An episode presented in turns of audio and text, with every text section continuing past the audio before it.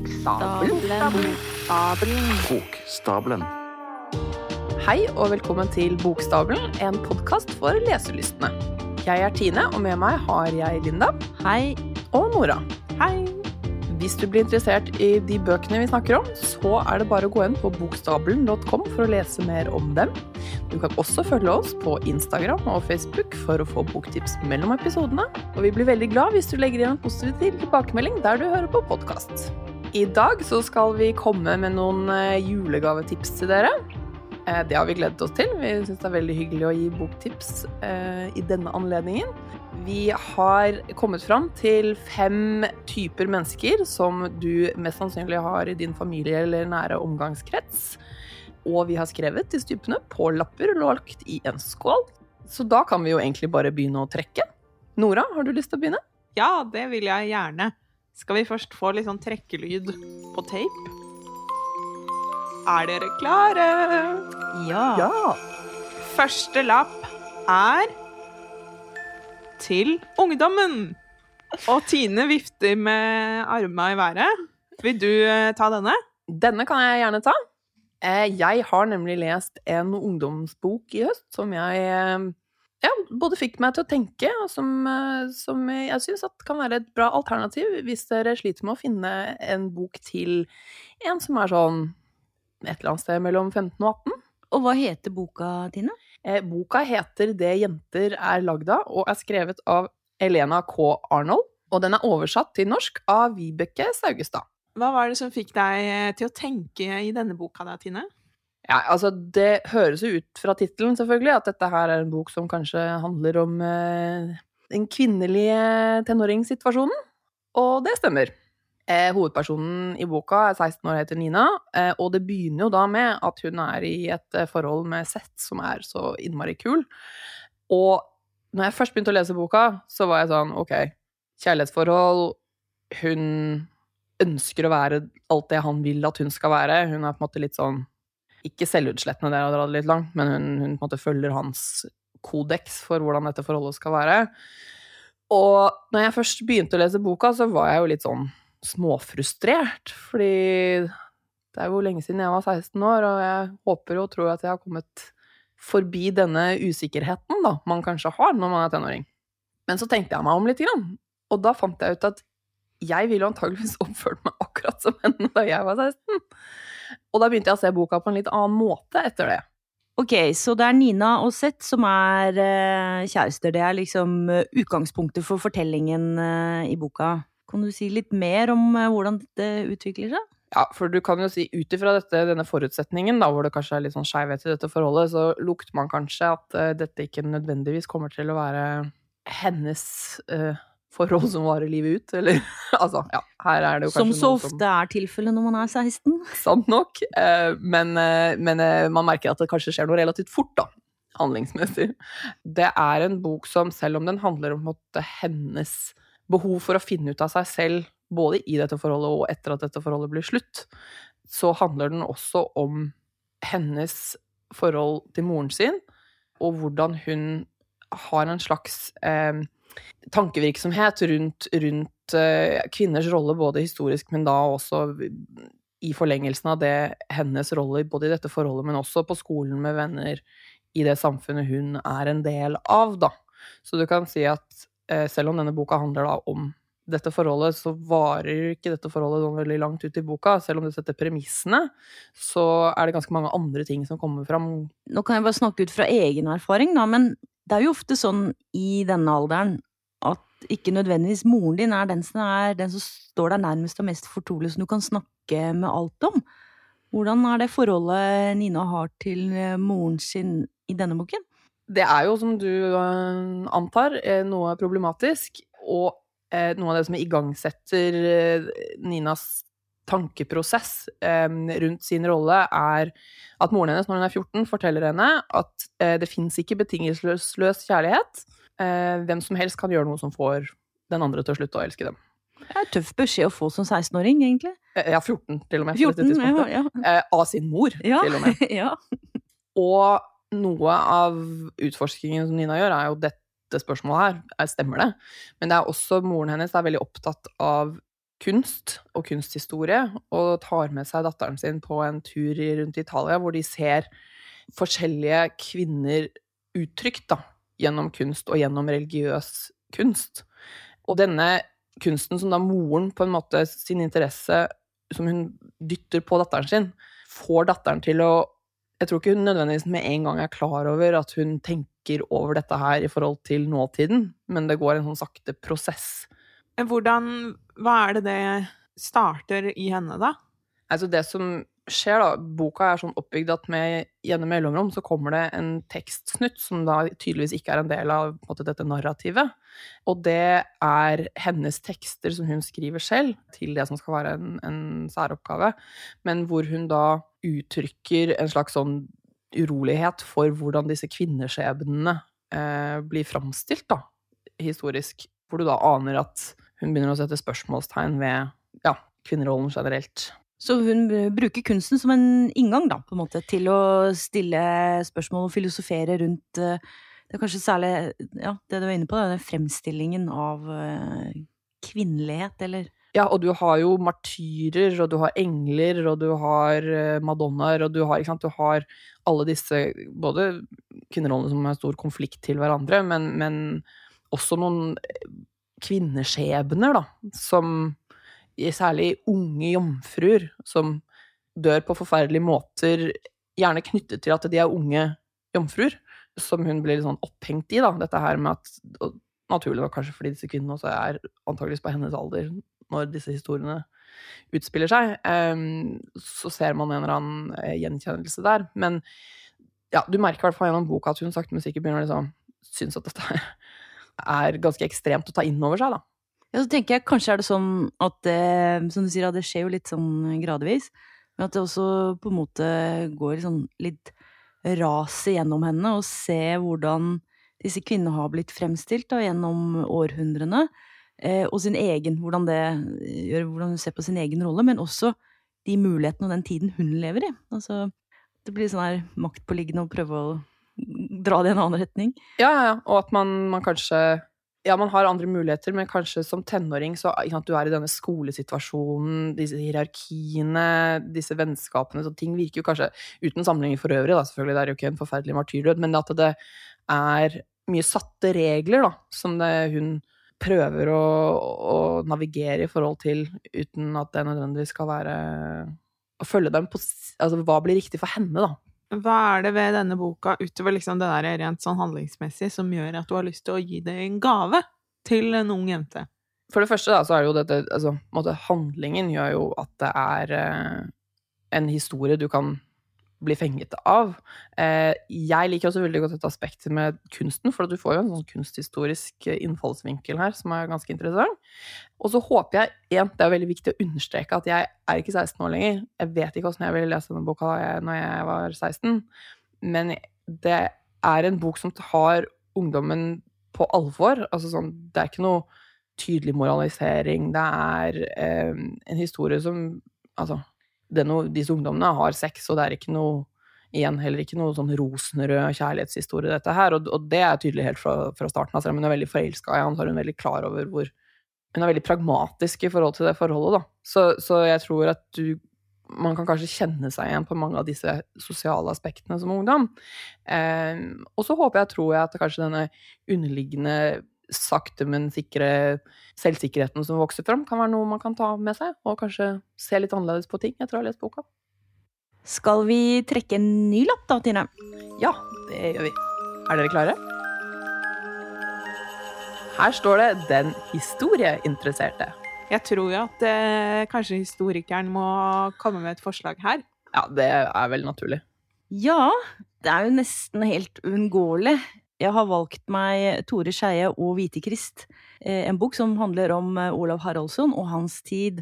Det er en bok som har fått mye oppmerksomhet eh, allerede, og med rette, vil jeg si da. Jeg er jo begeistret igjen, som dere har skjønt, med stor B jeg vil jo bare si at i tillegg til å virke som en veldig interessant bok, så er det jo en veldig nydelig bok. Altså det, jeg vet ikke om det er tilfeldig, men den er i hvert fall eh, julerød.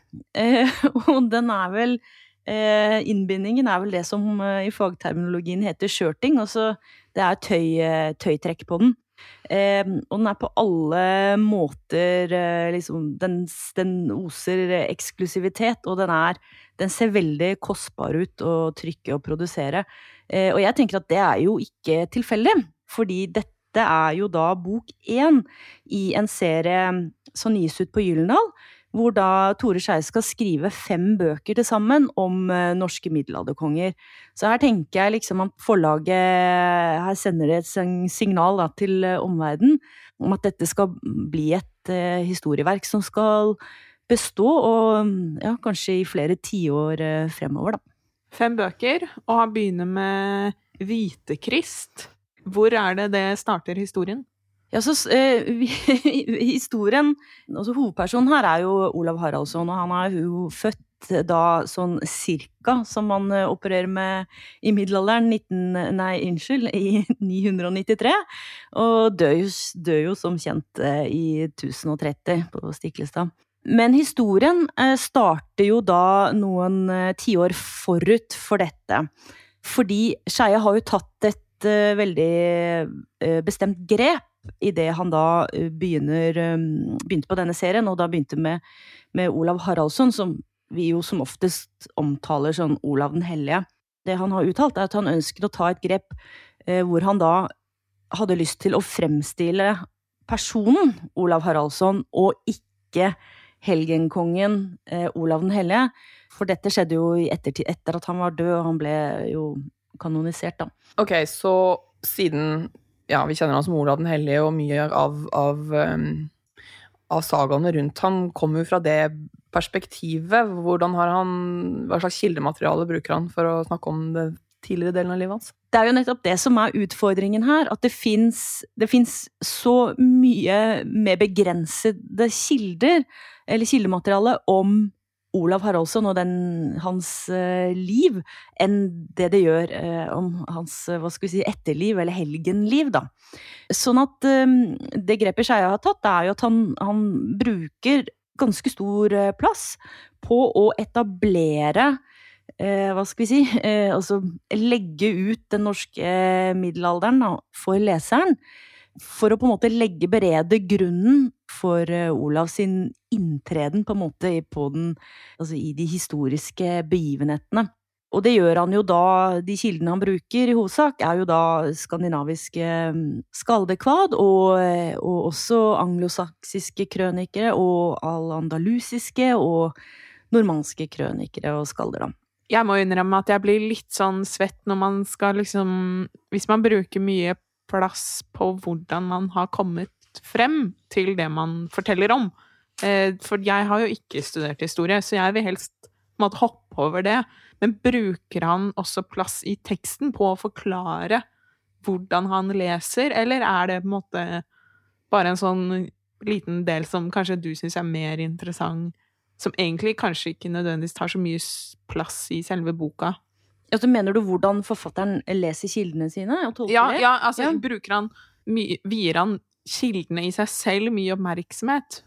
Nei, ja, altså han vier jo for så vidt kildene sine mye oppmerksomhet, men jeg tror når du leser den boken, så er det helt nødvendig. Eh, fordi vi reiser tusen år tilbake i tid, som vi er liksom på, på en måte nødt til å forstå det som ligger forut, for å forstå, med bakgrunn i det grepet han tar om at han ønsker å snakke om personen Olav Haraldsson, og ikke helgenen, eh, så må vi forstå at han kommer inn i historien da, som en eh, kriger, for eksempel. Eh, og han hadde ikke noe mer hellige ambisjoner enn eh, noen andre. Det var jo et rått maktbegjær, og det var jo egentlig det det handlet om. Og det var jo hele kulturen, da.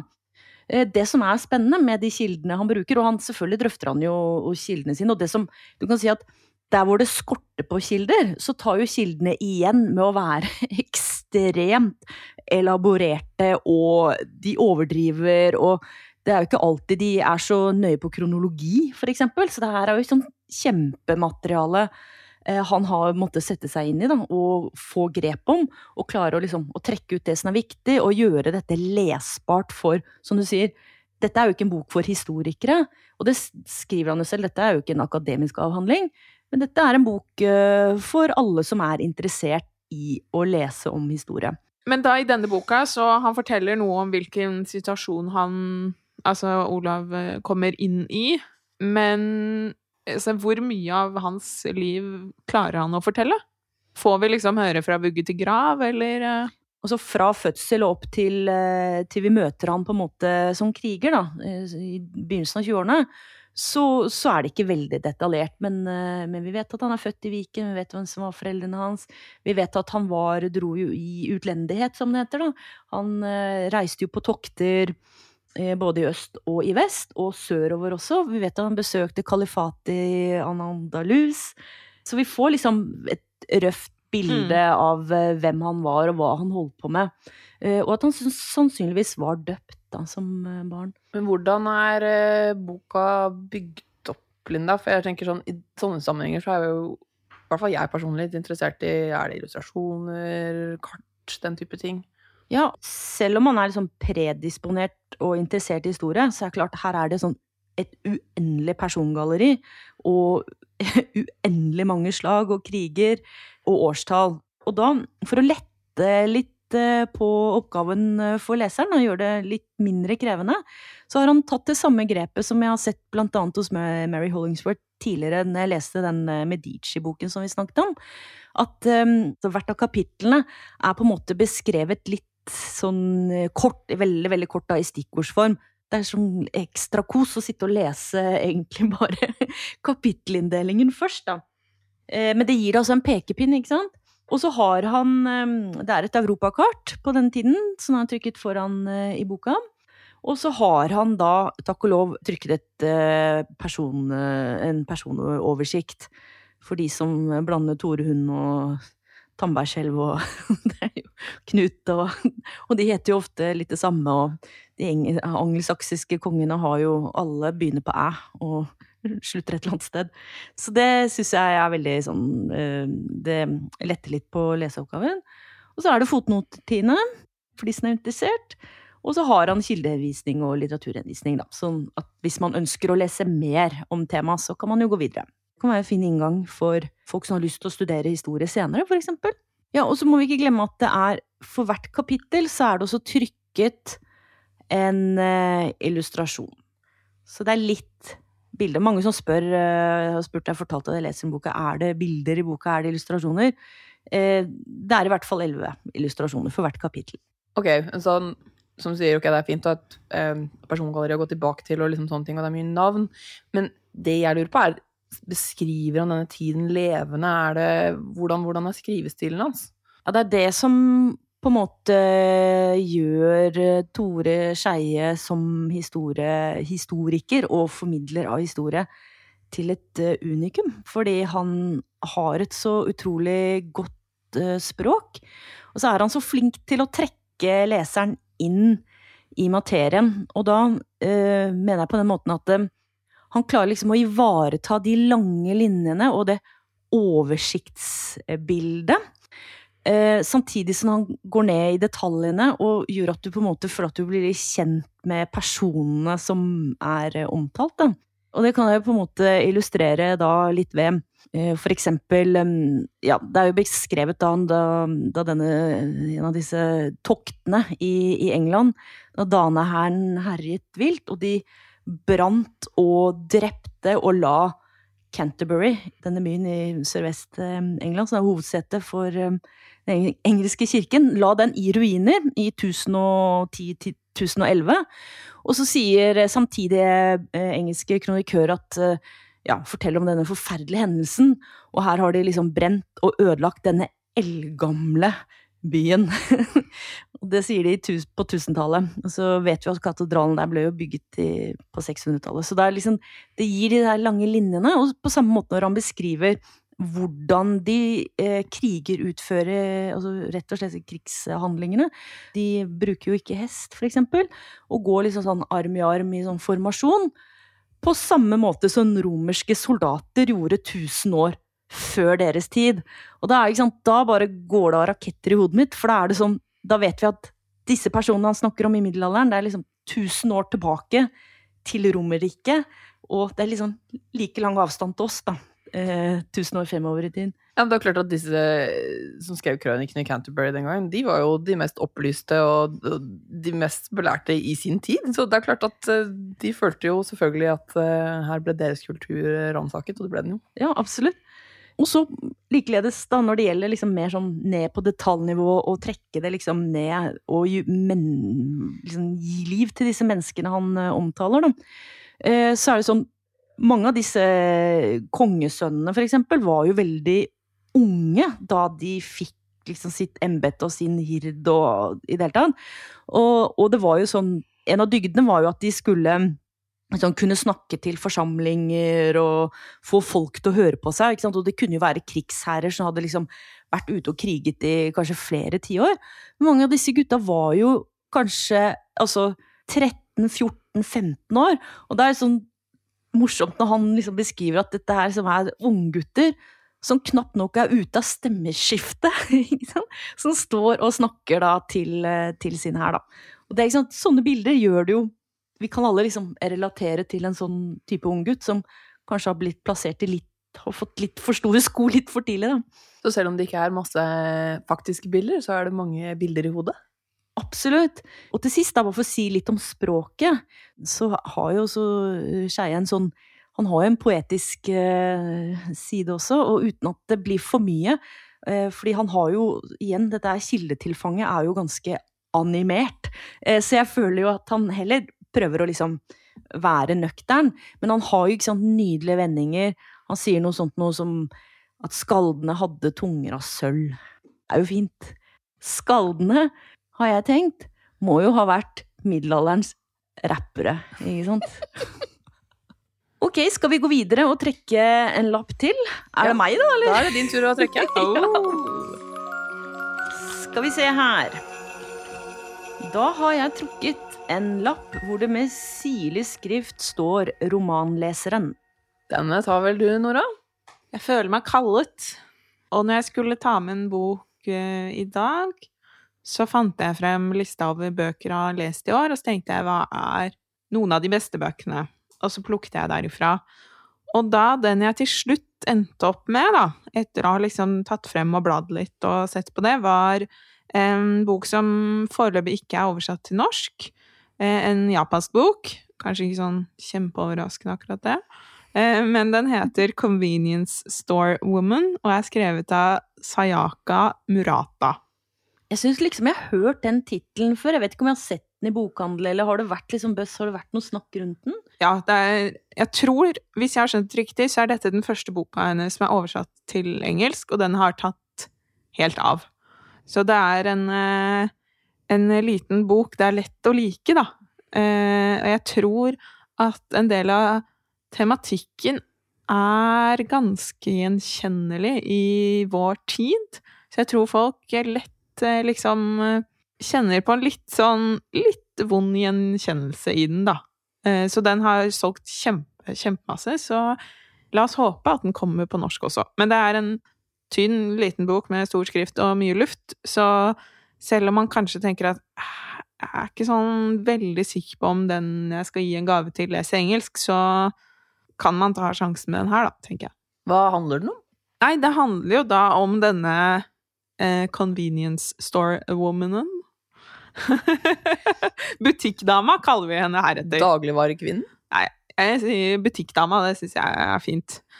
Butikkdama heter Keiko. Hun har aldri følt seg i takt med folk. Hun har alltid følt seg utafor. Eh, både liksom på skolen, i familien. Aldri funnet eh, sin måte å være seg på, da. Og så er hun ferdig med videregående, og så åpner det en eh, butikk. Jeg vet ikke helt hva, hva det måtte tilsvarende er i Norge, men kanskje en stor 7-Eleven, sånn døgnåpen butikk, som skal åpne, og hun søker eh, jobb der. Og der blir hun. Og når denne boka liksom i all hovedsak utspiller seg, så har hun vært der i 18 år, og har jo blitt eh, Altså, hun er jo hun er ikke noe annet enn den butikkdama. Hun, eh, hun, kan gjøre det helt, helt perfekt, og hun kan egentlig ikke gjøre noe særlig annet. Da. Men liker hun å være butikkdama? Ja, i den grad den hun liker å være hun. Ok, Så hun har funnet sin identitet Ja, bare- ja. på en Altså, ikke på en sånn blitt pressa inn i det, men, men hun bare funnet seg selv. Ja, det var sånn Å, det var, det var innenfor disse liksom, glassdørene og i dette skingrende lyset døgnet rundt. Det er der jeg er, ja. Uh, og det, det er liksom hele henne. Men selvfølgelig så er jo ikke det sånn kjempesosialt akseptert. Eh, man skal jo helst eh, ville noe mer. Man skal liksom ikke slå seg til ro med å være butikkdame resten av livet. Og så skal man jo helst ha et slags eh, sosialt liv, og gjerne et kjærlighetsliv også, da. Og det er det ikke alltid så lett å få presset inn i den veldig rutinehverdagen hun har, og som hun trives veldig, veldig godt med, da. Eller virker som hun på en måte har hva heter det, liksom forsonet seg med sin uh, skjebne. Eller hun, hun ønsker seg ikke veldig ut. Nei, eh, hun ønsker seg I den grad hun ønsker seg ut, så er det kun på grunn av presset og forventningene om at hun skal gjøre noe annet. Hun selv har absolutt ikke noe behov for å liksom egentlig gjøre noe annet eller være noe annet enn det, da. Det, hvor kommer presset fra? Er det sånn generelt sosialt press, eller er det nær Nei, det er nok i all hovedsak liksom den nære familien. Hun har en uh, lillesøster og litt sånt, som liksom Du skal jo liksom videre. Så hun klarer jo å Klarer å bli forelsket. Hun blir jo ikke forelska, men uh, hun finner seg en fyr, da. På et vis, fordi det er liksom det man skal. Uh, og det er vel liksom da det begynner å gå litt uh, utfor, da. Fordi inntil da så har det liksom Hun har full kontroll og er fornøyd. Og ikke sant Livet kan bare være sånn som det har vært i de foregående 18 uh, årene. Men idet liksom han kommer inn i livet, og alt endrer seg, så funker det ikke lenger, da. Men eh, som du sa, at hun forelsker seg ikke, men hun finner seg en fyr. Så man kan ikke liksom lese det som at det er ikke kjærlighetens forløsende kraft vi snakker om her. Det er mer det at han kommer inn og forstyrrer verdensbildet, eller verdensordenen hennes, da. Det, det er ingen eh, redning i den Jeg vil ikke kalle det en kjærlighetsrelasjon engang, men i det forholdet, da, er det ingen redning. Jeg syns dette høres ganske interessant ut, for det er jo litt sånn min generasjon særlig, generasjon prestasjon, alt dette, ikke sant? dette snakket om dette jaget og personlig eh, realisering, at den, den eh, karrieren du har, er på en måte din identitet. Det første alle spør når man treffer dem, er jo hva gjør du? I dette tilfellet så kunne de jo spurt hvem er du? Men jeg syns det er interessant, for det er kanskje det noen som sier at det er derfor den har blitt en, en, en greie, fordi det er mange som kanskje kjenner på noe av det samme, at kanskje et rutineliv kan være like ålreit, og kanskje at, ja, at det går inn i en slags form for eh, samfunnsbrytning som foregår, da. Mm. På mange måter så er jo kanskje den derre ehm, Du er jobben din, så er det jo nettopp det hun føler at hun er, og ikke som noe sånn påtvunget utenpå. Men igjen, der må det også være det på riktig måte. Eh, da må du liksom Du må ha ambisjoner. Eh, det må være de riktige jobbene, og da butikkdame er liksom ikke riktig nok eh, jobb, da. Men jeg tror det er den derre å leve opp til noen andres forventning, som nok mange kjenner seg igjen i. I hvert fall de aller fleste vestlige kulturer, da. Det tror jeg. Og kanskje en slags moral i historien her er at hvis du er fornøyd med hvem du er, så er det best å følge det. Ah, nå har jeg liksom ikke lyst til å snakke så veldig mye om slutten, men jeg vet ikke om det er en så happy-clappy, behagelig innpakning nødvendigvis på det hele, til at det er en sånn god moralsk eh, sløyfe på det til slutt. Ønsketenking fra min side. Kanskje mer realistisk allikevel. Kanskje. Men det jeg må si, da, for det høres Jeg vet ikke helt hvordan det høres ut, men den er jo en sånn salig blanding av vemodig og litt sånn derre Du får vondt av henne, fordi hun krasjer liksom da så veldig med de få menneskene hun har rundt seg. Samtidig så er den jo liksom ganske corny og morsom òg, ikke sant? Så den balanserer jo hele tiden på det derre gjenkjennelige og vonde og helt sånn herre latterlig tragisk Ja. Så den eh, balanserer hårfint i det sjiktet der, da. Veldig morsomt. Uten noe sammenligning for øvrig, og eh, hvis du tar vekk det med humor og corny og morsomt, så tenker jeg jo, går jo tankene tilbake til vegetarianeren, Tine.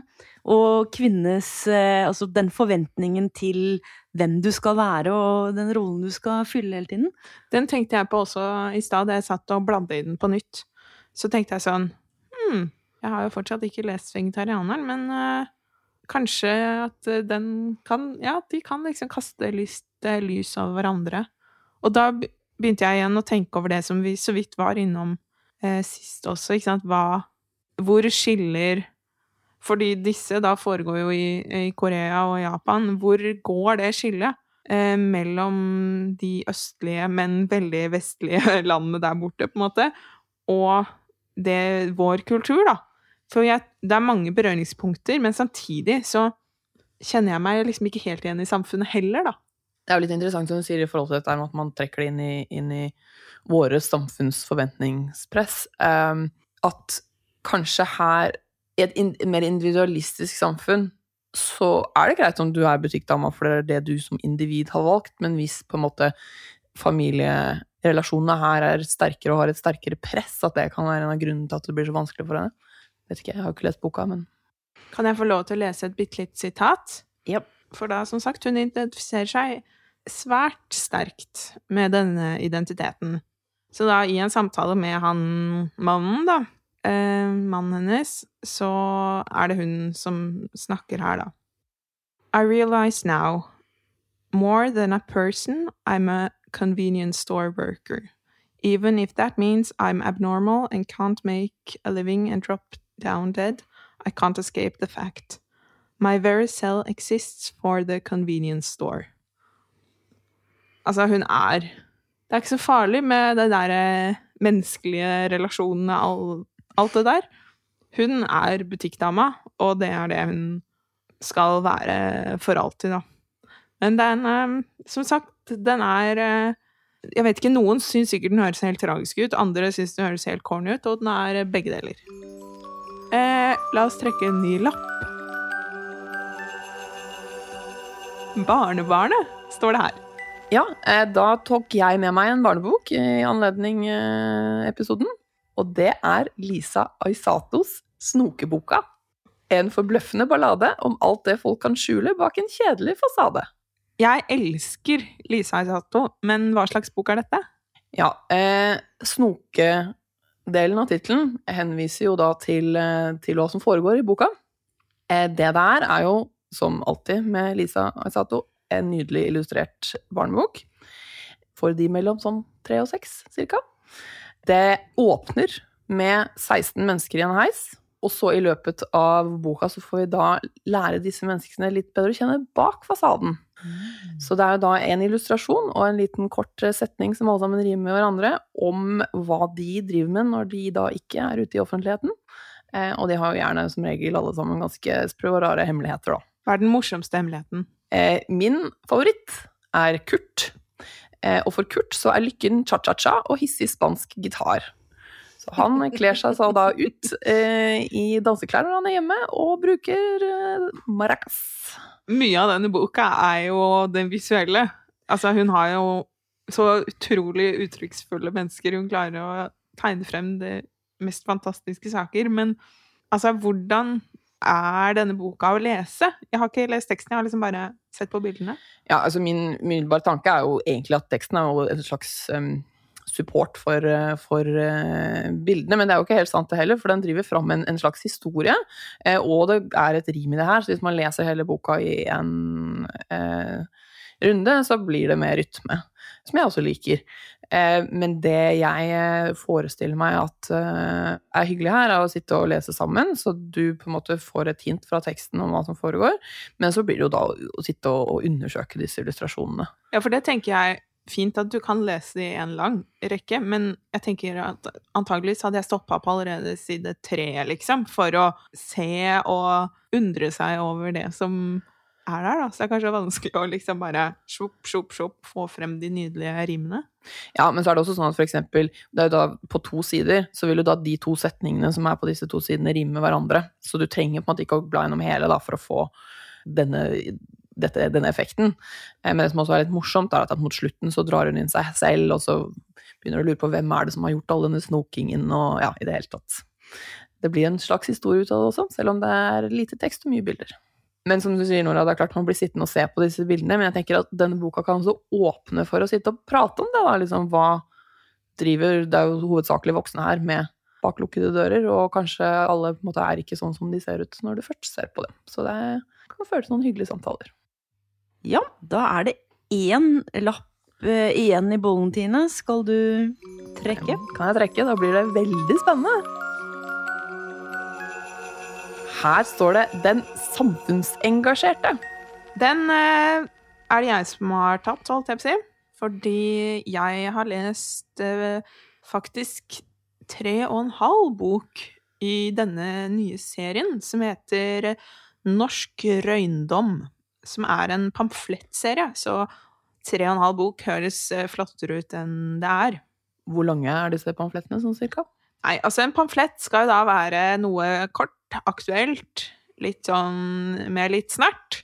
Så de ligger på en sånn 50 sider eh, omtrent, alle sammen.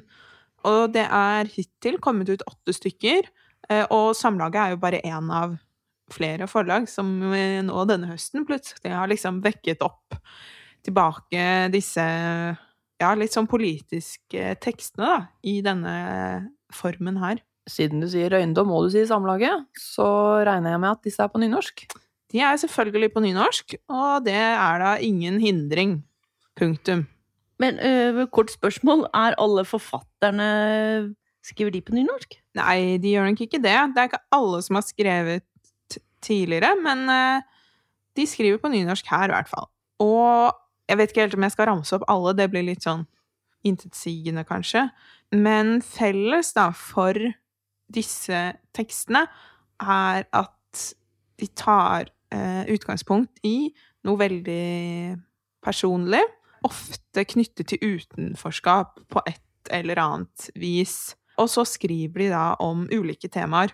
Så vi kan jo ta og se litt på de to som jeg har med meg her i dag, da, kanskje som et eksempel på hva det kan være.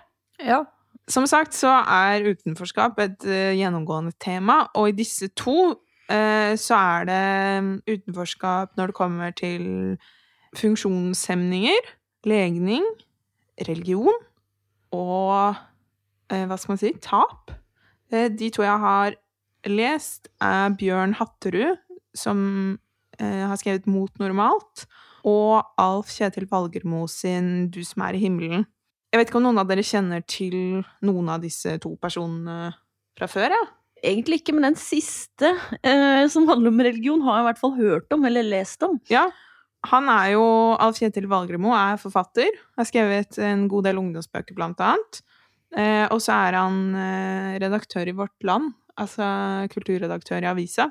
Eh, og ergo kristen.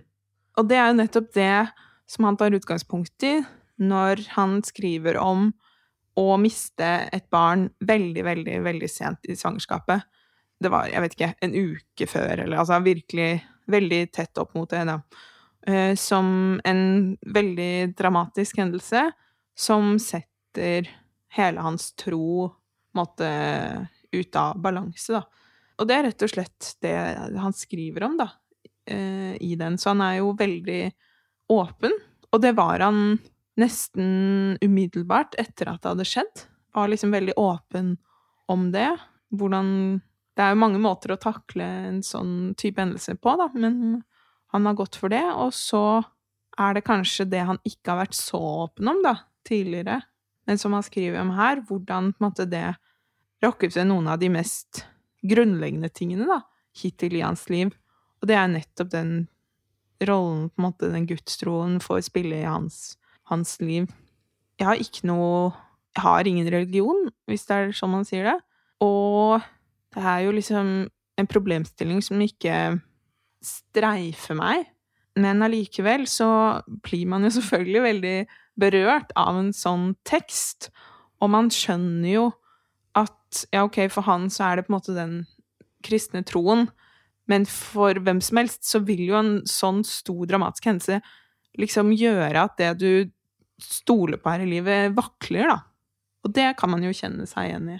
Det virker jo som dette veldig personlige preget gjør jo at da et tema som du kanskje i utgangspunktet ikke er så interessert i, blir interessant allikevel. Mm. Det er jo en av de grunnene til at jeg har lyst til å anbefale. Da. For jeg tenker, en ting er kanskje du er interessert i noen av temaene. Eh, flere av de andre, eh, sånn som Sumaya Jidda Ali og eh, Kamara Lundestad Jof, skriver jo om rasisme og utenforskap. Kanskje man på en måte er eksplisitt opptatt av noen av sånne temaer, men kanskje du ikke tenker på det så ofte. Men har på en måte lyst til å vekke noens bevissthet eller noe sånt, da, så er det en veldig sånn lett gave å gi. For jeg tenker at de er, de er lette å lese, og de er lette å bli engasjert av. da. Jeg blir jo veldig nysgjerrig da, på denne teksten til Valgemo, fordi du sier at denne hendelsen, denne tragiske hendelsen, eh, utløser eh, mye tanker og refleksjoner rundt hans egen religion. Mister han religionen sin?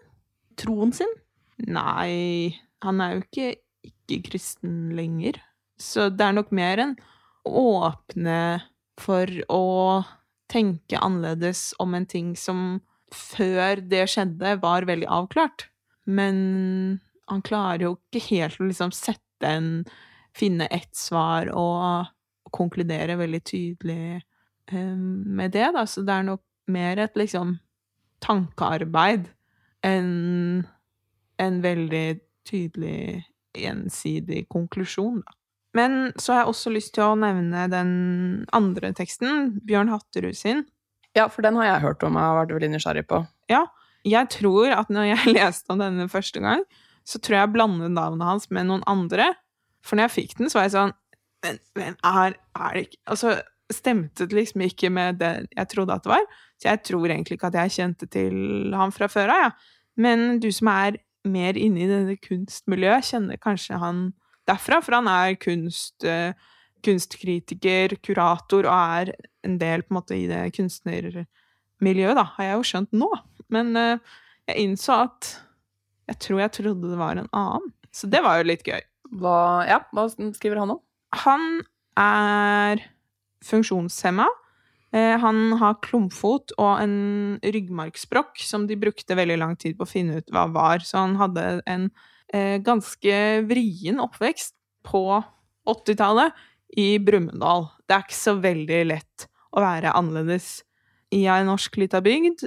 Og når du da Ikke sant, du ser annerledes ut. Du kan ikke kjøpe eh, de skoene som alle de andre bruker.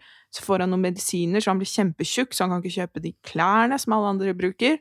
Og så i tillegg så klarer han å finne ut av det. Han er homo. Og det er liksom Du kan ikke bli mer annerledes, da, enn det han føler seg som ungdom.